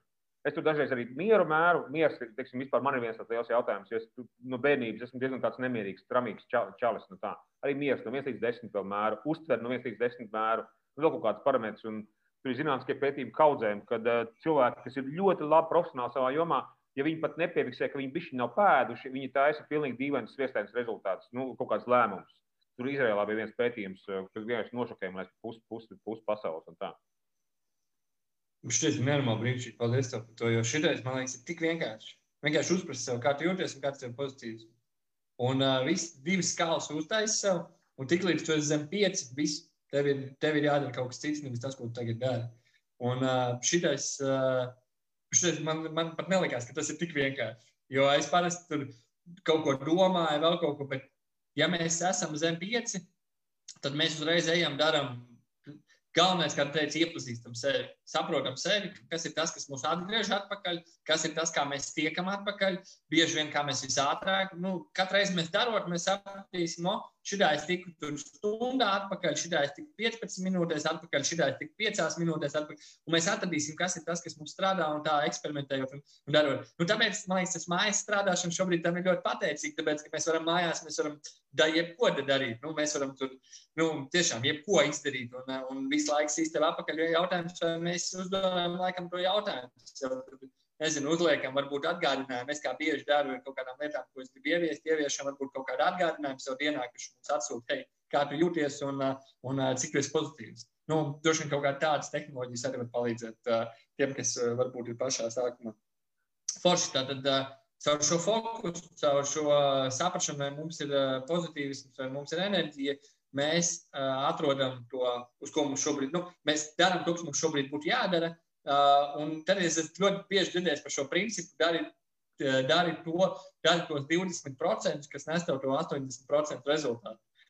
Kā tu ar to saskaries ikdienā? Vai tev, vai, vai tev, tev, tev tavā pieredzē strādā, ka tiešām ir tikai tie 20%, kas tev nes tos rezultātus, vai tur ir arī tie pārējie 80 ir būtiski, un, un, un nu, kāda vispār tā attiecība, uh, tu viņu, ar viņu saskaries? Tu zini, um, es principā savā ziņā, es daļēji esmu cipargalva.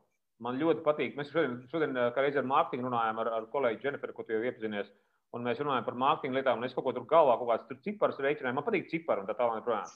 Bet, kad mēs runājam par dzīves ielikšanu 20%, 80%, es tur bišķiņ tā kā peldu, jo, jo tas ir tik ļoti relatīvi. Uh, es zinu, ka Skillshare laikam īpašniekam viņiem ir sadalīts tas, ka viņiem ir kalendārā uh, ieliktas stundas, un es teiktu, ka uh, otrdien pulkstenis 2 līdz 3 es risinu tos jautājumus, kas ir uh, apmēram miljons eiro vērtībā.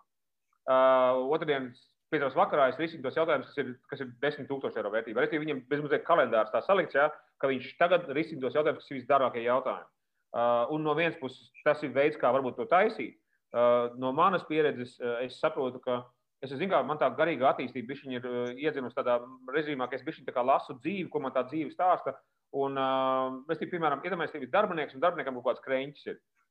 Un, kā es tagad, tas ir 20% vai 80%? Jo apsies, um, oh, ok, rekomendētu būt viena formula, jo tagad, piedod, es skaļi domāju. Viena formula, pēc kuras es vispār būvēju uzņēmumu, pēc kuras es saprotu, kā, kā veidot uzņēmumus.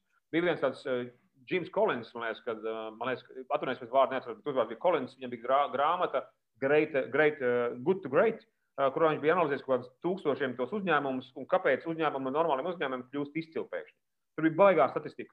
Un viņam bija secinājumi par četriem P, uh, izklausās mārketinga, bet tiešām tie bija viņa secinājumi, kāpēc šie uzņēmumi kolosāli attīstījās un nekāds bija prioritāts. Pati pirmā prioritāte, kas ir uzņēmumam, lai viņš eksistētu un forši pastāvētu, ir purpose.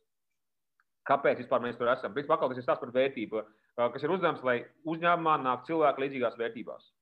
Vai jūs gribat būt pārdevēji maksimā vai skajā? Vai jūs gribat taisīt uh, Moskviču, vai jūs gribat taisīt Lexus? Whatsoever, ir vērtības. Uh, tad purpose, otrais P ir uh, people, uh, trešais P ir product, uh, trešā prioritāte un ceturtā ir profit. Un tad, ja mēs tā skatāmies, respektīvi, purpose, people, product, profit, respektīvi, tad ir jautājums par to, ka cik lielā mērā tu dzīvojies tajās pirmajās divās vai trijās uh, sadaļās. Un, piemēram, ir kaut kādas situācijas, kad, uh, respektīvi, mārketings ir daļēji no profita ja, uh, saistīts. Es dažkārt pīsim, ir laiks, kad es veltu varbūt disproporcionāli daudz laika attiecībā uz, uz uh, to, kā viņi saka, to uh, mārketingu, kas ir uz profitu vairāk vai mazāk. Uh, jo vienkārši tāda dzīves situācija šobrīd ir. Tagad man tam vajag veltīt laiku. Un ir kaut kādā brīdī, es saprotu, ka es pat maz varbūt veltu laiku tam um, produktu sadaļai un people sadaļai. Ok, man tad vajadzēja veltīt laiku people. Un tu zini, kā tu visu laiku balansē. Vispār, man apzīmējums ir tas, ka es esmu uh, oktopus ar astoņiem špagatiem.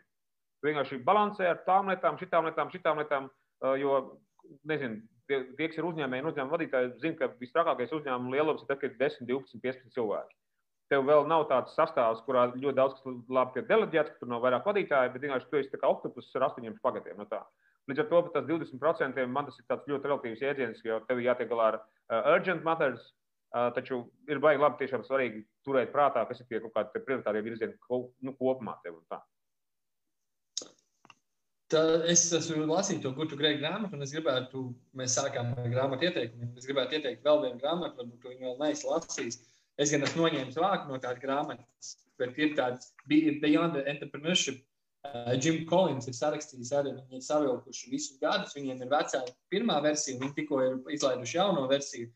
Un uh, es vispār Jim Collins abrīnoju, viņš tiešām, nu, viņam ir, uh, nu, viņš ļoti uh, caur datiem raksta lietas. Un parasti uh, šīs lietas, kuras ir visgrūtāk ielikt datos, man liekas, tie cilvēki ir apbrīnojami, jo viņi saliek kaut kādu uh, to mākslu kopā ar datiem. Tad uh, es iemetīšu čatā, varbūt tu arī vari pēc tam ielikt kopējā čatā to grāmatu, ko tu ieteici, jo es pieļauju, ka visi nepaspēja piefiksēt. Um, tātad mums ir. Uh, aizmirstam par procentiem. Tas ir kaut kāds, nu, es tev piekrītu, ka tas ir kaut kāds, nu, kā, kā es varu novērtēt tagad vai 20, bet īstenībā tā ideja, kur pateicis, ka uh, kādas darbības, jeb kādām lietām es fokusējos, pieņemsim, ka man ir 10, 10 sajūta un pozitīvisms, tad es varu darīt pie lietām, kas nes lielāko rezultātu. Un kurā brīdī es uh, fokusējos kaut kādām mazākām lietām. Un to mums arī jāsaprot, ka no rīta tas labāk droši vien kon, vai nu, kaut kādām lielākām lietām. Bet, bet tas, laikam, ir tas grūtākais, kas jebkuram vadītājam un uzņēmējiem ir nu, nodalīt. Un vai tiešām tā mana darbinieka tagad problēmas ir, ir tas, ir tie 20% vai nav tie 20%. Nu, tad, nu, kā, kā, kā mēs to varam no, no, nodalīt vispār? Tā kā, uh, Man liekas, ka eh, ļoti vērtīgi, es varbūt ātri varētu izskriet cauri, un tad mēs paskatāmies, ko mēs vēl neesam pielikuši klāt. Bet es parasti man patīk salikt tādu kopsavilkumu. Tiem, kam ir kaut kādi jautājumi, droši rakstiet iekšā. Čatā mēs, mums vēl ir desmit minūtes, mēs varētu atbildēt vēl kaut kādiem aktuāliem jautājumiem. Es ceru, ka mums izdevās salikt kopā to ceļu no tā, no tā fokusu, uz to fokusu, jeb uz to nu, nezinu, varam saukt to par aizraugu. Nu, tad vārdi viņam tur sinonīmi ir daudz. Tad, tad, ar ko mums viss sākās? Mums viss sākās ar, eh, ar, eh, ar vēlmi pāriet no gribas spēka darba uz to aizraušanās darbu. Un, eh, un mēs to sākam ar, ar jautājumu, kāpēc. Ja mēs gribam sev saprast, kas ir tā, kāpēc mēs to darām, tad mēs saprotam, kur tu gribi darīt, kas ir tas, ko man ir jādara. Uh, tad uh, mēs atrodam citus, bet uh, Bet parasti tā aizķeršanās ir tajā, ko, ko, ko mēs gribam darīt. Tajā, kāpēc. Un tā ideja, kā to var izdarīt, ir, um, ir svarīga. Mēs izveidojam ilgtermiņa plānu, pēc tam izveidojam gada plānu, pēc tam izveidojam mēnešu plānu, pēc tam strādājam tādā mazākās, mazākā pasaulē. Mēs strādājam ar tiem mūsu ieradumiem, jo visi tā mūsu ieradumi darbs ar tas ir sports, ēšana, mentālā veselība. Mēs pie šī visa strādājam ikdienā, lai mēs varētu iet tālāk, iet, iet pie lielāka rezultāta. Tad mēs, lai mēs dabūtu šo fokusu un lai mēs šo fokusu spēli uzlabotu, mums ir jāspēlē ar mums, ar sevi jāspēlē šī fokusa spēle, ja mums ir jāstrādā ar, ar pie lielas slodzes, jāsamazina, nu, tā kā, un tādā veidā jākāpina sava uh, spēja pieņemt slodzi. Um, svarīgākais, ko mēs spēlējam šo slodzes spēli, ja fokus spēli, man liekas, mums ir jāiemācās iepazīt sevi. Jo man liekas, ka tas ir tas pats interesantākais ceļš, tas pats interesantākais darbs, kur mēs meklējam šo cīņu starp, uh, lai mēs nedzīvotu bailēs, bet mēs būtu tajā radošumā, kur mums tā enerģija ir uz tiem vismaz 5, plus, un arī tas mūsu pozitīvs, tas ir 5, plus, lai mēs strādājam no radošuma. Jo es pats esmu personīgi ļoti daudz lēmumu savā dzīvē pieņēmis uz bailēm, un viņi visi parasti ir tādi, kur ir jā, jāizstrādā vēlreiz pēc tam. Un uh, tad, kad mēs, iep, nu, te, kad mēs iepazīstam sevi, spēlējam šo fokusu spēli, mēs meklējam uh, uz rezultātu fokusētu darbību. Mēs cenšamies uh, meklēt tās darbības, kas mums res vislielāko rezultātu. Izskatās, skan vienkārši, bet uh, droši vien nav tik vienkārši dienas beigās Uh, tu minēji nevis Jim Collins, kur tu grēji grāmatu, bet tu minēji kaut kādu citu vēl grāmatu pirms tam, es neatceros. Um, scale kaut kas, kaut kā es neatceros, kā viņi Ah, saka. Blitz scale. ko ielikt. Okay, jā. Jā. Ja? Un, vai es visu pateicu pareizi, vai mēs kaut ko aizmirsām, ko mēs šodien runājam? Um, Vai es kaut ko aizmirsu? Zini, kā viss kārtībā. Uh, Sunīgi, tu, tu forši kā nointerpretēji to, kā, kā tu to saprati. Forši. Uh, ir vien- zini, ko viena lieta, ko es varētu pateikt, ka uh, lielākais mūsu nosītais ienaidnieks šajā visā sevis attīstībā vai, uh, vai procesā ir tas, ka, kad mēs nezinām, ko mēs nezinām. Tas ir vislielākā problēma. Un, uh, zini, kas raksturo šo problēmu? Kad mēs sakām, nu, man kopumā viss ir skaidrs. Tas ir ja tajā brīdī, kad tu kaut kādā brīdī kaut ko klausies, kaut kādas tēzes, vēl kaut ko tādu domā, mm, ok, skaidrs, mm -hmm, ok, skaidrs, ok, skaidrs. Un tas raksturo tipisku, um, es varu pateikt, uh, kā mēs varam ļoti viegli saprast, ka tiešām mēs kaut ko nezinām. Kad, piemēram, tagad uh, Gustavs ir apēdis pudu sāls mārketingā, un kāds no malas atnāk un pasaka, zini, man tas mārketings ir baigi vienkāršais. Un tu padomā, Moins, viņš pat vispār nezina, cik daudz tur ir nianses. Viņš vispār pat nevar iedomāties, cik tur ir miljardiem nianšu. To, šito, vēl kaut ko tur ir tādas sistēmas, kaut kādas biedri, tā ir ekosistēma ar simts kaut kādiem iksiem un nezināmiem. Ne? Nu, tā apmēram. Un ja tas pats, kādā brīdī tu pasaki, klausies, mums ir mega, mega svarīgi zinātniskie pētījumi, ka mums ir mega svarīgi uh, novērtēt vienkārši vispār, kā mēs šobrīd jūtamies. Un uh, tā pirmā atbilde reakcija cilvēkam ir, jā, skaidrs. Tāpat analoģija. Kad, kad tev paprasa kaut ko par tavu profesiju, tu saproti, job, cik tur ir dziļs nianses. Un te tas pats. Restīvi, mans kā mācību veidotāja uzdevums ir taisīt maksimāli vienkāršas sistēmas. Jo tas, kas ir uh, sarežģīts, viņš neieviešās ikdienā. Mēs praktizējam ikdienā tikai ērtās, vienkāršās sistēmas. Un tas, ko es gribu pateikt par to, ka uh, šis, uh, lai jūs nesamulsina vienkāršas sistēmas, jo bieži vien tās vienkāršās sistēmas ir visefektīvākās, un uh, jūs tikai pēc kāda pusgada, gada sapratīsiet, ierodīsiet milzīgo jēgu un spēku tam visam. Zinu, varbūt beigās vienkārši var, var vienu vien zinātnīs, ko pētījumu izstāstīt, ko es vienkārši man pašu nošokēju, un ik pa laikam es viņu stāstu. Es nezinu, vai tajā kursā toreiz stāstīju, ne, bet Izrēlā pie juristiem. Es stāstīju, Es, eh, ja, ja tu mums iedos vēl desmit minūtes jautājumiem, atbildēt, tad drīkst stāstīt. Davai, aiziet, darām tā. Ja? Man, ir, man ir laiks. Jā. Uh, restīvi, tas, tas pētījums bija tāds, ka Izrēlā um, ir komisija, kas uh, laiž cilvēkus ārā no cietuma pirms laika, ja viņi ir labi uzvedušies. Tad cilvēkam iedot ir desmit gadi, bet viņš uzvedies labi. Tā komisija sēž, viņam priekšā ir kaut kāds cilvēka apraksts, ko viņš ir darījis, kā viņš ir uzvedies. Un tur sēž astoņi čaļi vai dāmas un čaļi, un viņi nobalso, vai atbrīvot to cilvēku pirms laika vai neatbrīvot. Tad, principā, viņi lemj par cilvēku dzīvībām. Ja? Normālā vidē, viņi ir normāli pēduši, dažiem, nezinu, tur mājās ir uh, kotleti ritīgi no rīta iecirtuši, uh, tad ir pusdienas, tad ir pēc tam mājās ir vakariņas un tā tālāk projām. Un tad atnāk kāds zinātnieks un saka, klausies, vai mēs drīkstam, drīkstam iz, izpētīt, vai jūs objektīvi visu laiku analizējat uh, šos cilvēkus, vai jūs objektīvi pieņemat lēmumus. Un tā komisija, tas šefs, domā, kas par sviestēnu jautājumu? Tie ir profesionāli augstākā līmeņa juristi. Viņi to dara daudzus gadus. Viņi zina, par ko ir stāsts. Kādā ziņā neobjektīvi. Viņi nezina tos cilvēkus. Vienkārši viņi loģiski viņi objektīvi to izdara. Un viņš tur ok, beigās pielaiž to zinātnieku, un zinātnieks pašā beigās atnāk ar tādu secinājumu. Uh, viņš atnāk ar secinājumu, ka ir fantastiski neobjektīvs process. Tas process ir ar milzīgiem trūkumiem, kurā ir uh, milzīgas kļūdas. Un ir milzīgs acis un šoks, kādā sakrā, kur ir kļūda, kas vispār tur notiekās. Uh, un tagad man jautājums tev, uh, Gustav, kā tev liekas, kādi faktori varētu ietekmēt to, ka šie astoņi cilvēki, kuriem ir jānobalso par to, vai kaut kāds tur keiks ir izlaižams no, no cietuma, ieslotīties vai pirms laika, vai nav izlaižams, kas varētu ietekmēt to, ka kaut kādā brīdī viņi kaut ko pilnīgi aizgāni sāk lemt? Kas varētu par faktoriem tur spēlēt lomu? Es varētu izlikties ļoti inteliģenti, bet es biju to dzirdējis. ok, ok. Uh, Tā tu bišķiņ man iesali. Tad, uh, nu, Sorry, sorry, sorry, sorry tu bišķiņ. O, tagad es apakaļ. Tu esi apakaļ. Jā, čau. Pasaka vēlreiz, ko tu teici tā īsumā. Jā. mēs pazudām, ja? O, tagad tu esi apakaļ, jā. Okay. Uh, es esmu dzirdējis to stāstu. Uh, kaut kur es viņu dzirdēju, ka uh, pusdienu tuvošanās vai ir pietiekami, nu, nu tur visādi šie te fi- tā kā parastās lietas. Nu, Restīvi, tur bija uh, atslēgas tāds, bija tāds, ka um, pirms pusdienas pauzes, tas ir piemēram 15 minūtes, pirms pusdienas, pusdienas pauzes uh, viņi apstiprināja um, vienu daudzumu, un pēc pusdienām viņi apstiprināja otru daudzumu. Tad uh, arī tiem, kas skatās, jautājums, kā jums liekas, kur apstiprināja vairāk, kur izlaida vairāk cilvēkus, kad, kad viņi bija pēduši vai pirms ēšanas. Gustavs, atceries, kad viņi, kad viņi izlaida vairāk pirms ēšanas vai pēc ēšanas? Liekas, ka pirms. Otrādi, viņi izlaida vairāk pēc ēšanas. Ah, Tad okay. viņi bija pēduši. Tad, restīvi, un tad tagad ir nākamais jautājums, cik procentus? Tad, restīvi, iedomājieties, 100%, ko viņi nobalso, ka var iziet ārā vai neiziet ārā.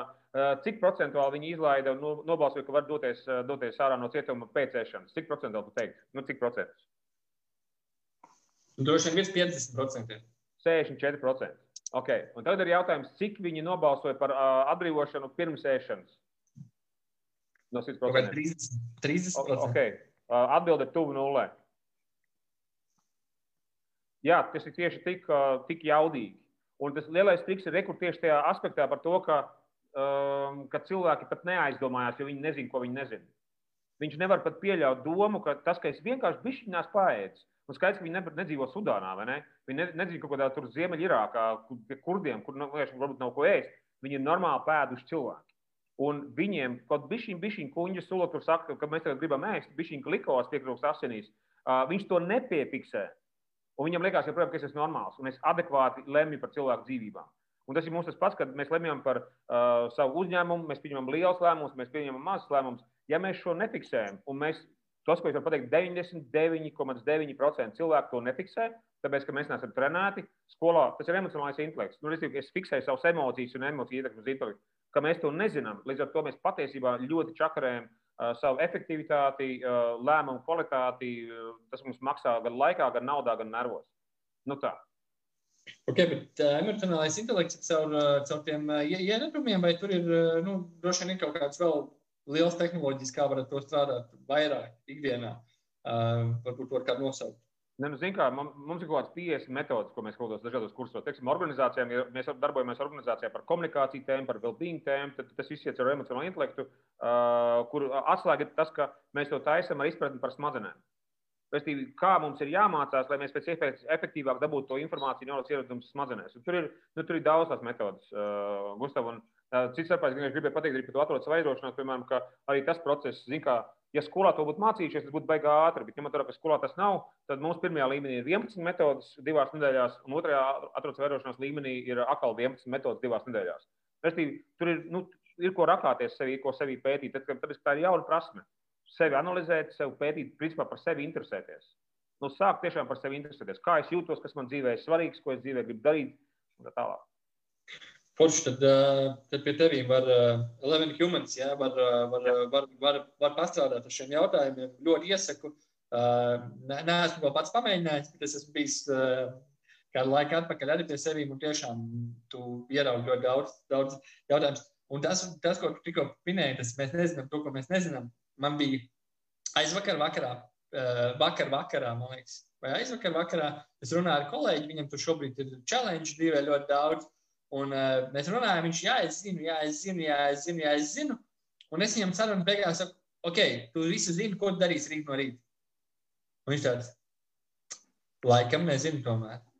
Un tas ir mums jānoķer to sajūtu, kā, ja kāds atnāk un pasaka, es zinu mārketingu, es visu saprotu, vai kāds atnāk, es zinu emocionālo intelektu, es visu saprotu, es zinu, kā atrast savu aizraušanos. Nu, visdrīzāk viņš to nezina. viņš nezina to, ko viņš nezina. Labi, mums ir daži jautājumi, izskatīsim ātri. Vai flow var, Toms Jančevskis jautā, vai flow var kaut nedaudz uztrenēt?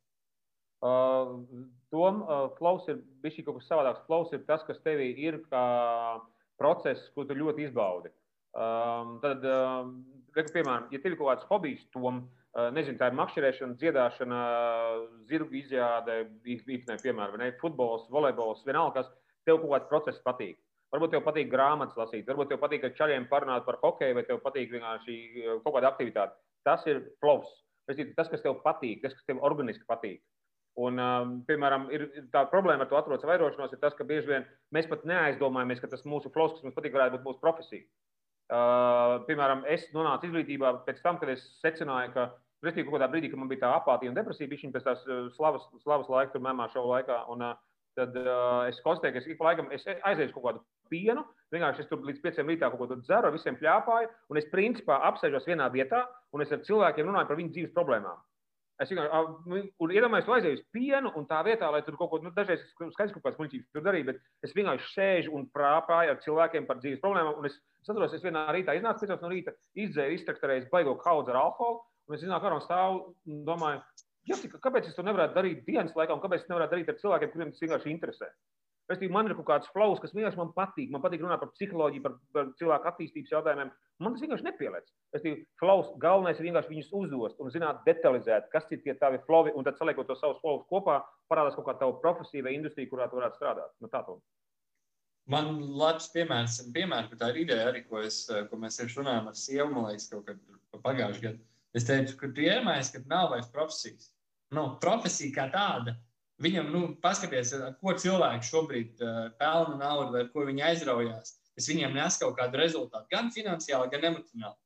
Un profesija, tas ir kaut kas, kas, nu, es, es zinu, ka tu tur esi minējis piemērs, ka cilvēks tur, nezinu, iet pārgājienos. Un viņš saka, man ļoti patīk iet pārgājienos, un kā tur vispār nav jau pārgājienu profesija, bet paskatieties, cik daudz tagad pārgājienu, nu, kas notiek šobrīd, kaut vai Covid laikā, cik daudz cilvēku vienkārši visas pārgājienu taksis ir pilnas. Tā kā līdz ar to tā ideja, ka noķert to flow un saprast, nu, kā to monetizēt, droši vien, kā to, kā to padarīt par kaut ko, kas tev var nodrošināt, jo nu, rēķiniem arī kādam dienas beigās jāmaksā. Um, jā, jā, respektīvi, sanāk, uh, uh, flow, tur ir tāda interesanta lieta, ka uh, flovam līdzība ir arī interese. Ja tev kaut kāda interese, tas ir kaut kas nu, līdzīgs ar flow. Uh, tu vari interesi uztver, uztrenēt un tu vari iegūt lielāku prieku par to, ja tu kļūsti meistars. Tur ir tāda dīvaina lieta par to, ka, piemēram, uh, iedomājies, ka, uh, principā, iedomājies, tev varbūt ir dotības uz matemātiku, bet tu sēdi pirmajā klasē solā vai ceturtajā klasē kaut kādā tur algebras stundā un tev stāsta šo, šo formulu, Un tu mēģini viņu saprast, un kamēr tu mēģini viņu saprast, tev baigi maz prieka ir. Bet, kad tu to formulu saproti, un tu sāc viņu lietot, un sāc tos uzdevumus risināt, tev baigais prieks to uzdevumu risināt. Tāpēc tu esi iemācījies.